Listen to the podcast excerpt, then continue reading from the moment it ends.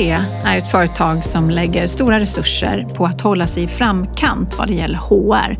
Både generellt strategiskt men också kring digitalisering. Och delar med sig av den information de tar fram via olika event eller rapporter.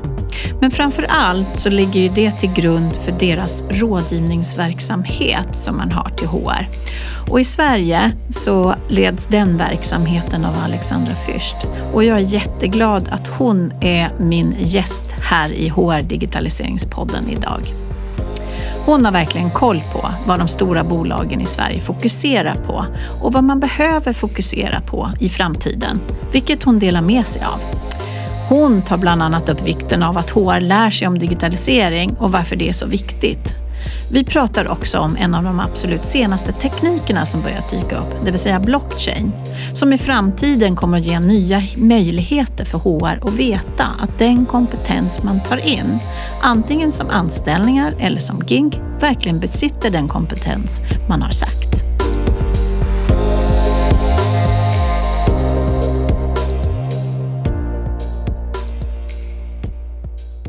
Välkommen hit till HR Digitaliseringspodden. Tack så mycket. Jättekul att ha dig här. Eh, som alltid så börjar vi med att höra lite vem du är. Så vem är du Alexandra? Ja, vad spännande. Jättekul att vara här. Eh, Alexandra heter jag och jag jobbar som managementkonsult på PWC. Där jag också leder vårt erbjudande inom eh, det som vi kallar för People and Organization. Så jag jobbar med rådgivning till HR. Mm. HR-funktioner, HR, tech, mycket också bredare hela people strategy-dimensionen då. Så allt ifrån performance management, eh, strategisk kompetensutveckling och även större organisationsförändringar då. Mm. Där vi ofta går in och, och hjälper till med förändringsledning bland annat. Då. Låter som ett superkul jobb verkligen. Men hur hamnar du där då?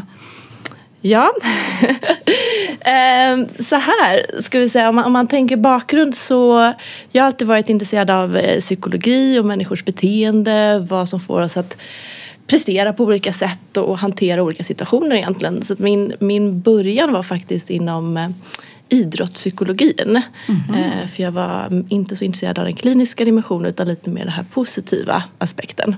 Men insåg ganska snabbt att det var organisation och förändring som jag ville rikta in mig mot. Så jag skrev min eh, kandidatuppsats kring eh, mental träning inom arbetslivet och hur man använder det. Aha.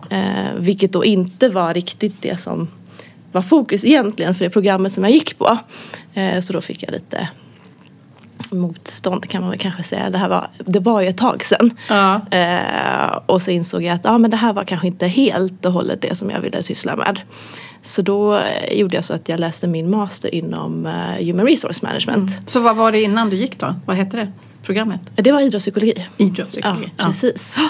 Uh, och det här var lite innan man började med masters i Sverige och så. Det var liksom några år bak i tiden. Uh, så då fanns det, då vill man ju att man liksom fördjupar sig snarare i en magister hette det ju då. Mm. Eh, och då valde jag att ta min utbildning i London istället och eh, rikta in mig på organisation och HR. Mm. Och då tyckte jag hitta just den här perfekta kombon med både fokus på, på det individuella men också på organisation och företagande. Mm. Gud vad kul! Och ja. Vad fick du börja jobba med? För sen tog du med dig det här och började yrkesinriktningen. Precis, och då sökte jag mig till jobb inom just HR och organisation. Mm. Eh, började på en eh, mindre eh, firma som många gör i början kring rekrytering, headhunting, executive search. Men där vi också hade redan då eh, tjänster där vi tittade på bredare kompetenskartläggning inom företag, eh, ledarutveckling. Eh, jag blev ansvarig för att sätta upp ett litet affärsområde inom bakgrundskontroller och mm. human due diligence. Eh, och insåg då att det finns ju mycket mer att göra. Det här är väldigt spännande och att också att rekrytering är superintressant men du påverkar på en individnivå. Mm. Eh, Medan jag var mer intresserad av att titta på organisatoriska perspektivet och hur man kan jobba med kanske större förändringar och mer strategiska förändringar. Mm. Och då sökte jag mig till PWC. Ja, ah, så du har varit där ett tag? Ja, så jag har varit där i sju år nu snart. Ah. Ja. Vad spännande. Mm. Eh, PVC, jag tycker eh, det ni gör, eh, jag följer mycket det och rapporter och all den. Ni lägger tid på forskning gissar jag, inom organisationen. Mm. Det gör vi. Det är ju en, en kunskapsorganisation skulle jag säga i första ja. hand. Och det kommer, vi är ett väldigt stort nätverk. Eh, finns i 157 länder, 250 000 medarbetare. Så det finns ju väldigt mycket resurser. Mm. Eh, och eh, kunna få den här kunskapsinhämtningen hela tiden. Vilket mm. är superhärligt att få den här intellektuella stimulansen också. Få och ni jobbar nya. Eh, över eh, landsgränser och jobbar du tillsammans som ett team globalt eller jobbar ni väldigt individuellt? Nationellt, lokalt eller hur fungerar det? Ja, vi har både den lokala och den globala dimensionen på det kan man säga. För att mm. det är enskilda firmor då per land. Mm. Eh, så att vi, vi har, eh, vår verksamhet är primärt i, ja, men, revisionsverksamheten finns över hela eh, landet men rådgivningsverksamheten är primärt Stockholm, Göteborg och Malmö. Mm. Eh, men sen har vi också globala team tvärs. Så att det finns ett fantastiskt nätverk så att vi har ju personer som sitter på min roll i alla de andra länderna också. Mm. Eh, så det är väldigt öppet kring hur vi hjälper varandra och inhämtar information och stöttar varandra då även om man mm. tillhör sitt eget land. Så du får liksom båda de två dimensionerna. Mm. Så eh, nu när ni då jobbar med rådgivning, vilken, först vilken typ av företag är det ni jobbar med när ni jobbar med er rådgivning? Är det större, mindre eller är det en blandning? Eh, just rådgivningsaffären då som jag tillhör, där är det mycket fokus på de allra största företagen men också från eh, medelstora företag uppåt skulle jag säga. Mm. Eh, så det, det är en blandning. Så vad är medelstort? I, i, det finns alltid definitioner om det här. ja, det är svårt att säga kanske på ett omsättningsperspektiv. Men, men, det är klart att du, ofta kanske man har, det kan vara lokala företag i Sverige men ofta kanske man har i alla fall för ett, liksom, verksamhet i några olika länder. Och man har ju man har tillräckligt skala eller storlek för att det ändå ska löna sig att göra investeringar i form av struktur eller arbetssätt eller digitalisering till exempel. Så det, det behöver ju finnas någon form av, det är svårt att säga en exakt storlek ja. men um, en slags volym. Ja, mm, för mm, att det ska löna sig att ta in den typen av rådgivningstjänster som vi, vi har. Då. Mm. Så vad står HR, vilka är de största utmaningarna som ni diskuterar med HR just nu?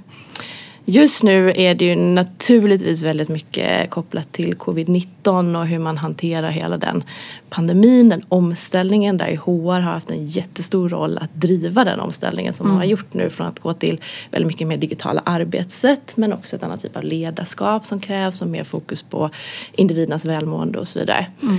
Eh, men sen har vi hela digitaliseringsfrågan som ju pågår och som har blivit än mer aktualiserad nu kan ja. man säga. Eh, och den är ju superspännande inom HR. Mm. Och vilka frågor är det där då inom digitaliseringsområdet som ju förstås är fokuset för den här podden? ja, och det som, som jag tycker är så superintressant där med HR är att man har två egentligen parallella utmaningar som man behöver hantera just nu. Och den ena är ju internt inom HR-funktionen. Att det finns krav på att man behöver bli effektivare, mer automatiserad, säkrare funktion. Att man tar till sig den här nya tekniken som finns. Mm. Alltifrån att gå med molnbaserade system men också RPA och chatbots, AI och så vidare. Eh, för att just effektivisera HR-funktionen och därmed kunna leverera ett större värde till verksamheten. Och, och visa på sin relevans helt enkelt. Men den andra utmaningen som HR också står inför idag är ju egentligen att driva hela digitaliseringsagendan som pågår inom organisationen. Det vill säga vi tar in väldigt mycket ny teknik idag inom organisationen som påverkar vilka roller ska vi ha. Det är roller som försvinner. Mm. Det är ny kompetens som krävs. Eh, det är mycket prat om reskilling och upskilling. Och här ser jag att HR har en jätte jätteviktig roll, kanske inte just från det tekniska perspektivet men att vara med att driva den här förändringen så att det blir rätt, rätt arbetskraft och rätt kompetens för företaget eh, i enlighet med den strategiska riktningen som man har då. Och då behöver HR också förstå den nya tekniken och förstå mm. potentialen i den nya tekniken för att kunna driva det här på ett bra sätt. Då. Tycker du att man tar, gör HR det? För det är väldigt olika hur vilken roll HR har. Nu, jag menar om man tittar på hela, hela alla, mm. för, alla typer mm. av företag. Men de ni möter, förstår man det här? Jag skulle säga att det är väldigt varierande grad. Mm. Eh, vissa företag ligger HR mer i framkant och, och jobbar väldigt nära. Eh, om det kan vara CDO eller CIO, alltså IT eller digitaliseringschef i företaget. Mm, mm. Eh, I vissa andra företag så har man kanske mer en, en reaktiv position mm. eh, där man mer ser vad, vad som händer och sen förstår att man behöver hantera det. Eh, och då är det mer kanske LND, alltså utvecklingsprogram och att man hänger på eller är det det du ser? Ja precis, eller att det kanske finns en, en större, att, att digitaliseringsagendan framför allt drivs då av kanske mer IT eller mm. techsidan mm. inom bolaget och sen så hanter, förstår HR kanske då lite för sent att det påverkar ganska mycket mm. också organisationen. Mm. Eh, men, men, där man ligger i framkant där har man liksom ett mycket närmare samspel skulle jag säga. Och man är mm. med och, och kan vara mer proaktiv i de förändringarna som sker.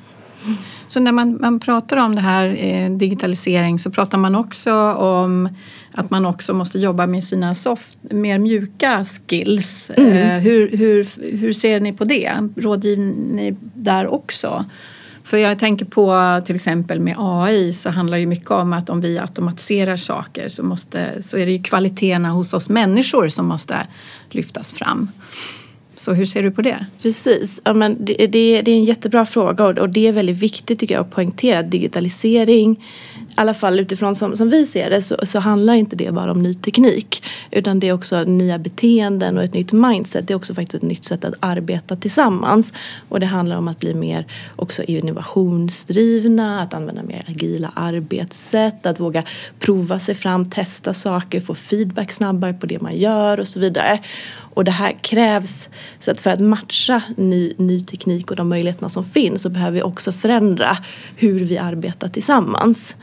Och sen har vi hela den, den, andra frågan som du kanske också syftar på är att vi ser också att behovet när vi tittar på vad är de framtida kompetenserna som kommer efterfrågas. Mm.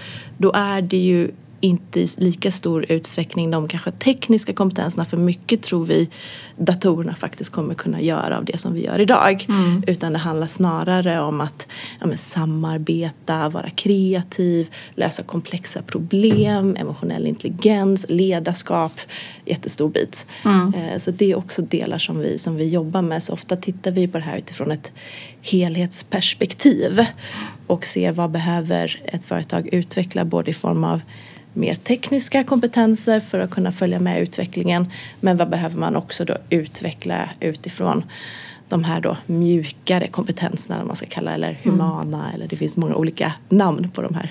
Ja precis, ja. soft. Ja. ja. jag vet inte vad man ska kalla det mm. Men egentligen, det, det både du och jag ser egentligen på marknaden det är väl att det är en transformation nu. Mm. Vi är i en transformation för vilken roll och vad man behöver göra och hur man behöver agera inom företagen.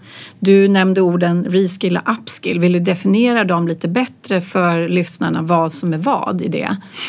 Ja men precis och, det här är ju ord som, som man ser ganska ofta nu mm. som man slänger sig med. Men det som egentligen handlar om att reskilling det är när du behöver ställa om din kompetens för att din roll kanske idag eller kompetens har blivit obsolet. Den har egentligen tagits över kanske av det digitala och då behöver du ställa om och lära dig någonting annat eller någonting nytt då. Mm. Um, och jag brukar ta ett exempel till exempel att um, en person som har kanske hanterat, om man säger en fabrik, då har hanterat den löpande bandet och hanterat robotarna som, hanter, som sköter det löpande bandet. Men när tekniken blir smarta och robotarna mer eller mindre kan hantera sig själva då kanske du behöver istället lära dig kod och kunna koda robotarna till att hantera sitt jobb. Mm. Eh, så det handlar liksom om att förflytta sin kompetens. Eh, Medan när vi pratar upskilling då pratar vi generellt en mer kontinuerlig förflyttning som man gör över tid för att förstå, eh, för att dels kunna hantera den nya tekniken men också väldigt mycket förstå hur påverkar den eh, mitt jobb, hur kommer det påverka framtiden och vilken potential finns i den nya tekniken så att jag också kan dra en större nytta av det mm, i mm. min vardag. Och det här är ingenting, det är ingen engångsföreteelse utan det är någonting vi kommer behöva hantera konstant skulle jag säga mm. resten av, av vår livstid för det här händer hela tiden.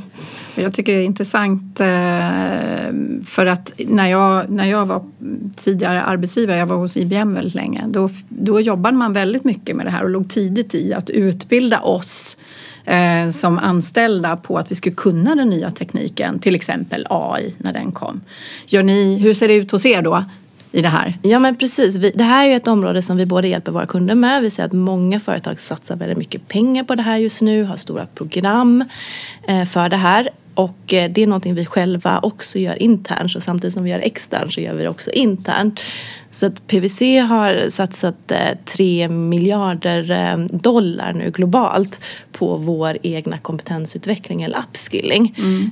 över då våra 250 000 medarbetare. Och det ingår att alla vi som oavsett vilken roll du har i företaget dels eh, får gå utbildningar inom data analytics och RPA och ny teknik då som kommer.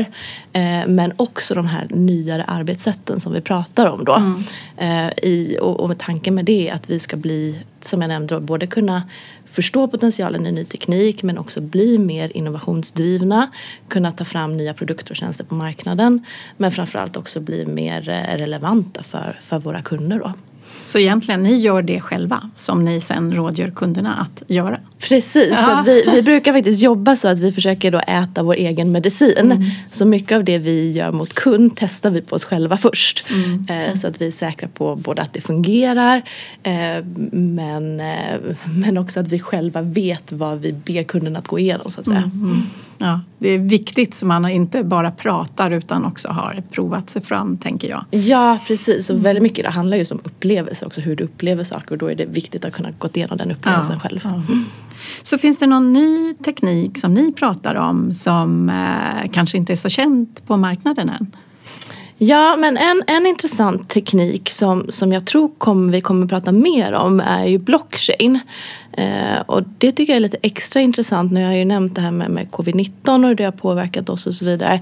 Eh, det finns lite olika teorier om vad som händer men det kan ju också bli att det blir en mer öppen arbetsmarknad där vi byter, alltså större egentligen frilansande arbetsmarknad, det vi brukar kalla för gig economy där vi byter kompetens med varandra på ett annat mm. sätt och där är just blockchainen en superintressant teknik för att möjliggöra det här. Mm. Och, och vad, är, vad är blockchain då? ja precis och, och då ska vi försöka förklara det här på ett konkret och enkelt sätt. Väldigt i sin enklaste form kan man säga det är ett sätt att byta värde eh, och information på ett validerat eh, och eh, spårbart sätt. Ehm, så att om man ska förklara det lite mer tekniskt så är det ju då en, en distribuerad databas. Så att istället för att vi alla kopplar upp oss mot en databas, liksom till exempel banken och inhämtar information så finns det då exakta kopior av den här databasen som alla i ett nätverk har tillgång till. Och det är de här kopiorna då när de sätts ihop som man kallar då för blockchain eller en blockkedja. Så det gör att eh, ingen kan eh, ändra någonting. I, I, sin egen kopia av den här databasen kan man aldrig ändra någonting utan att inte alla andra i det här nätverket också behöver validera de förändringarna du har gjort.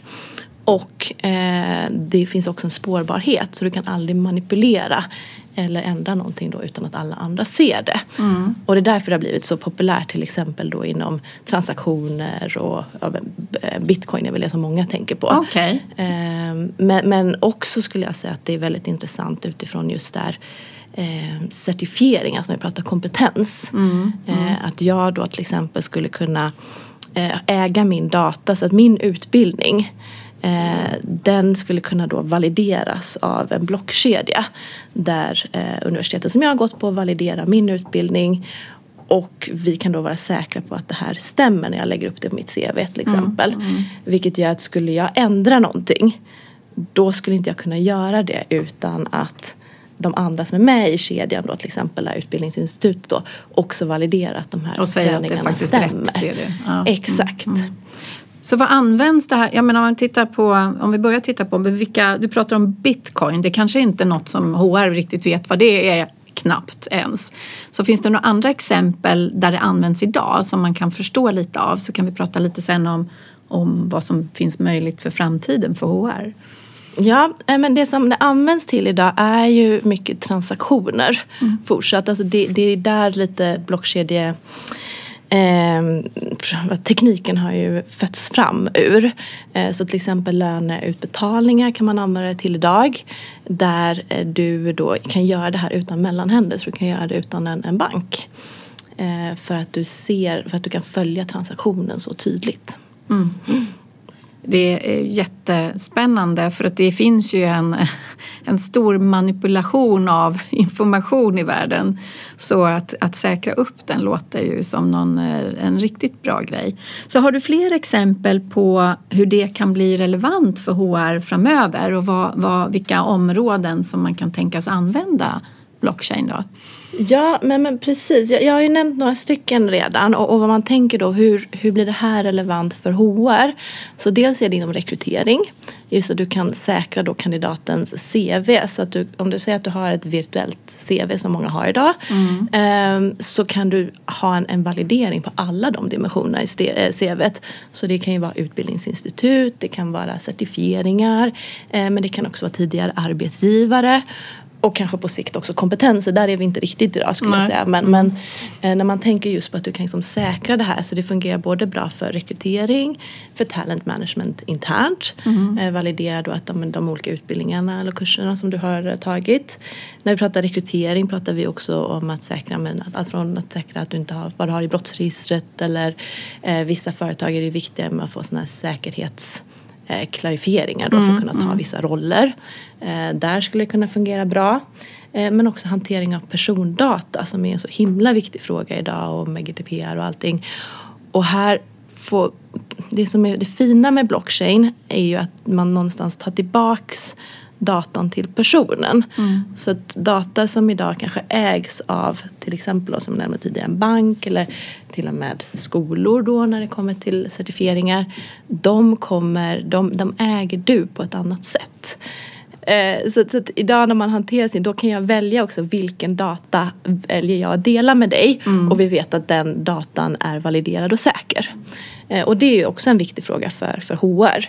Eh, men sen, och också för individen. Jag tänker på alla de anställda som, som kan äga och veta eh, vad, vilken information som finns om dem och, och hur, att man är säker på att det kommer fram rätt saker och att ingenting blir manipulerat. Det finns ju... Precis. Ja, så det, det ger ju både en men samhället idag handlar ju väldigt mycket om informationsutbyte. Mm. Och nu har vi någonting som möjliggör att vi kan liksom säkra den informationen bättre men också äga informationen själv. Så jag kan välja vad jag vill dela men det jag delar är, är validerat. Mm, mm. Och så eh. tänker jag på militären här med deras problem med eh, olika högre personer som har lyckats snika sig in. Det blir ju inte möjligt då tänker jag, längre fram. Nej, det, det är precis. Mm. Det, det kommer inte... Så länge då eh, de militärerna använder sig av, av blockkedjor för att validera information så kommer man inte kunna göra det på samma mm. sätt. Mm. Vilket ju är jätte, en, också en samhällstrygghet. Ja, faktiskt. precis. Eh, men det jag ville komma fram till också just varför jag tycker det är så intressant från det här eh, frilansande mm. Eh, perspektivet, det som vi brukar kalla för gig economy då. Som jag tror kommer mer och mer. För att, och det här är någonting vi har pratat om ganska länge men det vi ser också inom HR är ju att eh, tidigare eller fram tills nu har ju egentligen vad du har för utbildning varit kanske en, en av de viktigare faktorerna då när du sen söker vidare på arbetet, arbetsmarknaden och så vidare. Men idag så ser vi att det här börjar skifta och att man är mer intresserad av vad har du för kompetens och hur kan jag veta att du besitter den kompetensen då. Och här tror jag att det här kan liksom vara en push i den utvecklingen.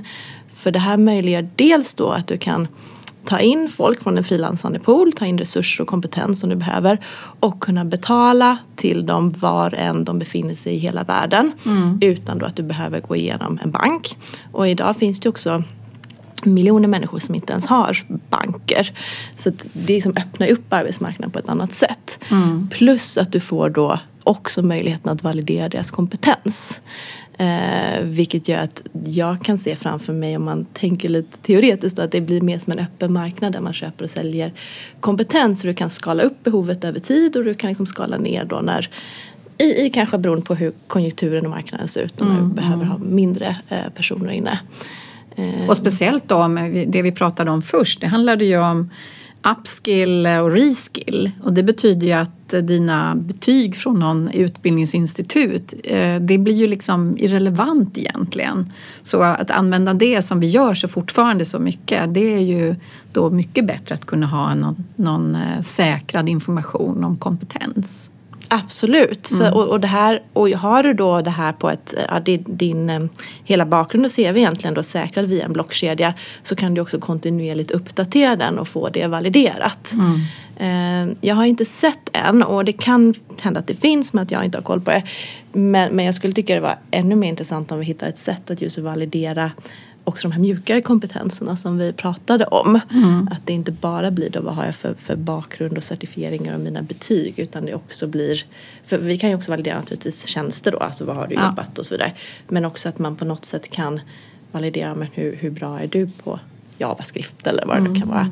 Men också då ledarskapsinnovationen kanske. Mm. För då kan det ju verkligen eh, bli intressant. Så tänker jag att vi har ju min upplevelse eh, är ju att man i Sverige, den rekrytering vi gör har, har försiggått på ett väldigt eh, på samma sätt ganska länge. Det vill säga att när vi letar kompetenser, om vi nu rekryterar, eh, så, så, så vill vi se liksom referenser. Men eftersom vi har så väldigt många också som kommer utifrån andra länder och liknande så, så upplevs det ju svårt att komma in på arbetsmarknaden här för att vi har de begränsningarna. Vi vill veta referenser för det är vårt sätt på något sätt idag att säkra upp att personen kan det de säger att de kan. Men med det här då skulle vi kunna också bli mycket öppnare för alla som flyttar runt i världen av olika anledningar, krig och andra utmaningar att kunna plocka in dem också.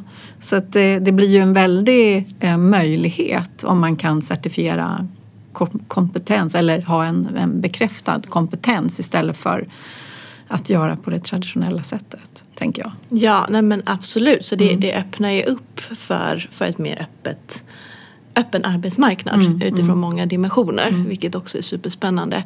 Och också att du kan ta in spetskompetens från ja, hela det globala nätverket egentligen eh, utan att du behöver rekrytera hit personer. Ja, precis. Och inte behöver sitta här. Nej, det är ju också, och, och det mm. har vi ju fått en, en liksom snabbare utveckling av nu då i och med eh, corona. Då. Så att, Ja, jag tror att, och det här har sagts i väldigt många olika sammanhang men hela den här digitaliseringen har ju accelererat i och med den pandemin vi befinner oss i. Mm. Och det här är ju då ytterligare ett kliv eh, som, som vi ser att det här skulle kunna då mm. eh, vara en del av den här förflyttningen som ja. gör. Mm.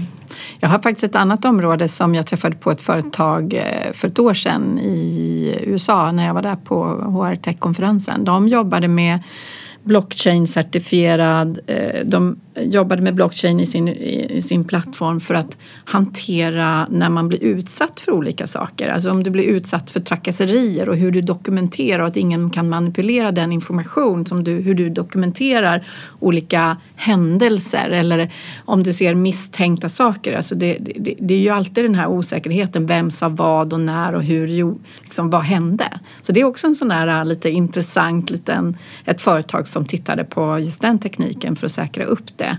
Ehm, så att den information man då dokumenterar inte går att manipulera med. Just det, mm. det är ju superrelevant. Mm. Och, och det var väldigt relevant då för då var det metoo-diskussioner ja, väldigt mycket. Mm. Men eh, man ska inte glömma bort att det, det fortsätter ju, vi måste ju ha koll på också den. Men det, det är också en liten möjlighet framöver. Men om man skulle vilja jobba med det här, hur ska man tänka då? Ja, eh, det första man behöver tänka på är vad, vad är nyttan? Vad ska jag använda det till? Eh, och vilka effekter kommer det ge? På, på konsultspråk brukar vi använda det här case for change. Ja. Vad, är det, vad, är, vad är nyttan med vilken förändring är det jag ska göra här? Och då behöver man ju titta på ja, men hur ser det ut då inom organisationen? Vad har man för transaktionstäta egentligen processer som då driver både mycket tid, mycket transaktioner eh, men också personer då som är involverade mm. där blockchain skulle kunna vara en, en, en stor nytta då eh, både för HR men också för organisationen i sig själv.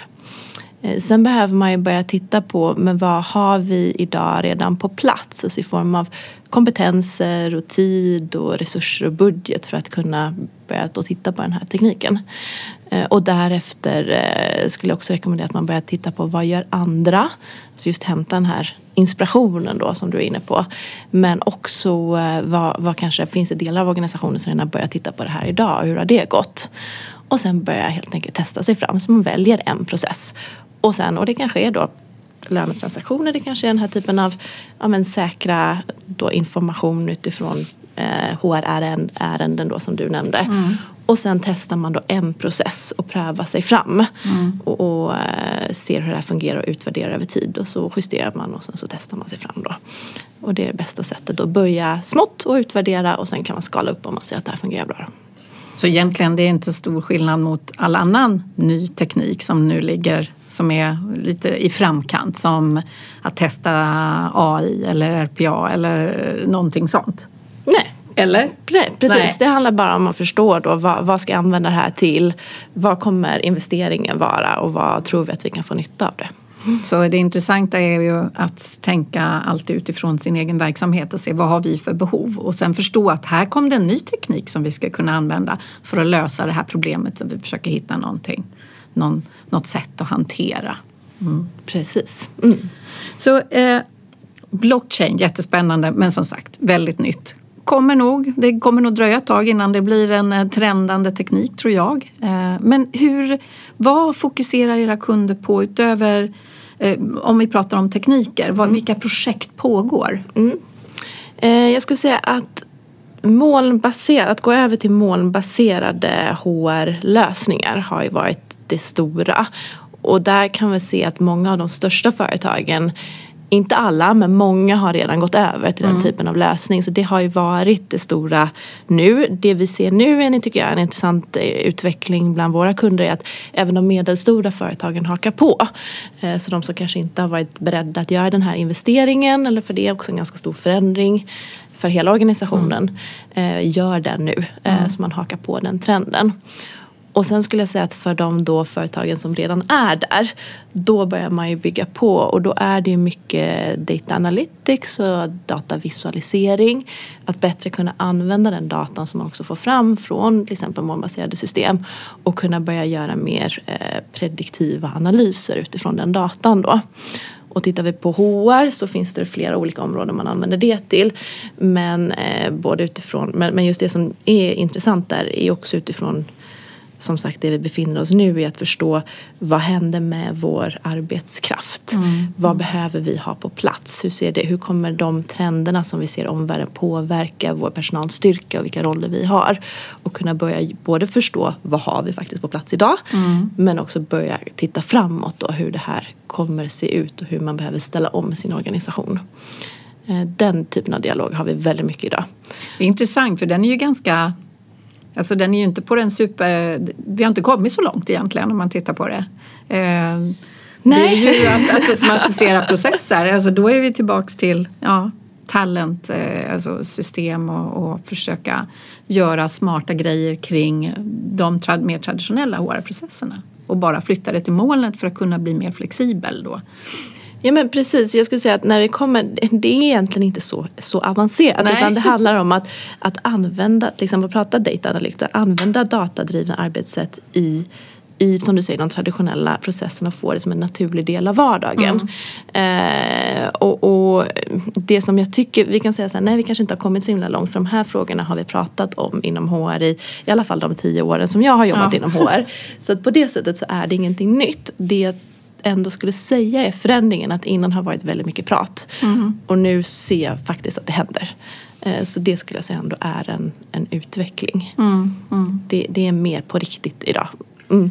Ja men det är skönt för, det, för att kunna... Samtidigt finns det två delar av det. Jag menar alla leverantörer nu... Man ska ju inte, man ska inte fokusera heller för mycket på själva tekniken utan det är ju att leverantörerna själva tar ju in olika smarta grejer i sina plattformar. Så bara genom att gå till molnet får du ju tillgång till att det, att, eh, innehåll som du inte hade för fem år sedan i deras olika lösningar. Så man ska inte stirra- på tekniken utan eh, se vad, vad är det egentligen vi behöver göra? Vad finns det för någonting utöver sen det där vi befinner oss idag? Precis som du sa om blockchain. Börja titta vad är det vi behöver göra? Mm. Men det är kanske är lite tröstande för folk som lyssnar att eh, det inte, nej, jag ligger inte långt efter utan det här är, det här är verkligheten som pågår just nu. Ja men precis och, och sen, men det handlar ju till viss del att, att gå in i molnet kan vara en, en grund ett grundläggande steg så att säga för att då får du just tillgången till den här uppdaterade datan eh, i, i realtid. Och det möjliggör så mycket annat. Och sen mm. klart att vi ser att men man lägger, börjar lägga på RPA, alltså robotics, automatisera processer, chatbots och vissa av dem har ju vissa AI-drivna dimensioner av det. Så det är klart att det kommer mycket ny och, och spännande teknik som man kan använda sig mm. av. Men det handlar någonstans också om att, att förstå vad, vad, är det, vad är den största nyttan jag har idag då. Mm. Och bara att kunna göra de här analyserna och förstå vad jag behöver göra eller backa sin, sin te tes med data som så mycket av resten av företaget behöver för att acceptera att göra någon form av förändring. Det är ju otroligt viktigt. Ja men precis, det är, det är otroligt starkt och det sätter också HR i, i en en annan position kanske än man varit innan. För att just nu kan HR backa upp sina teser med data på ett mm. kanske annat sätt. Även om man kanske har vetat vad som är rätt och fel innan ja. också. Så alltså, nu kan man få ett tydligt bevis på det. Det är inte alltid så att andra accepterar att man vet bara från ja, men, erfarenhet. Mm. Utan det är, ju, det är ju någonting annat som behövs. Mm. Ja, jätteintressant. Så tack så hemskt mycket för att du ville komma hit och dela med dig av eh, dina erfarenheter. Ja, men tack så mycket att jag fick komma och jättekul och, och bara få ha en pratstund om de här jättespännande ämnena. Ja, tack. tack.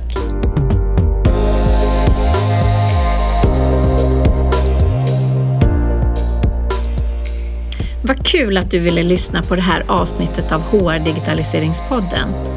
Jag som driver podden heter Anna Karlsson och till vardags så jobbar jag som projektledare, konsult och inspiratör på området HR Digitalisering.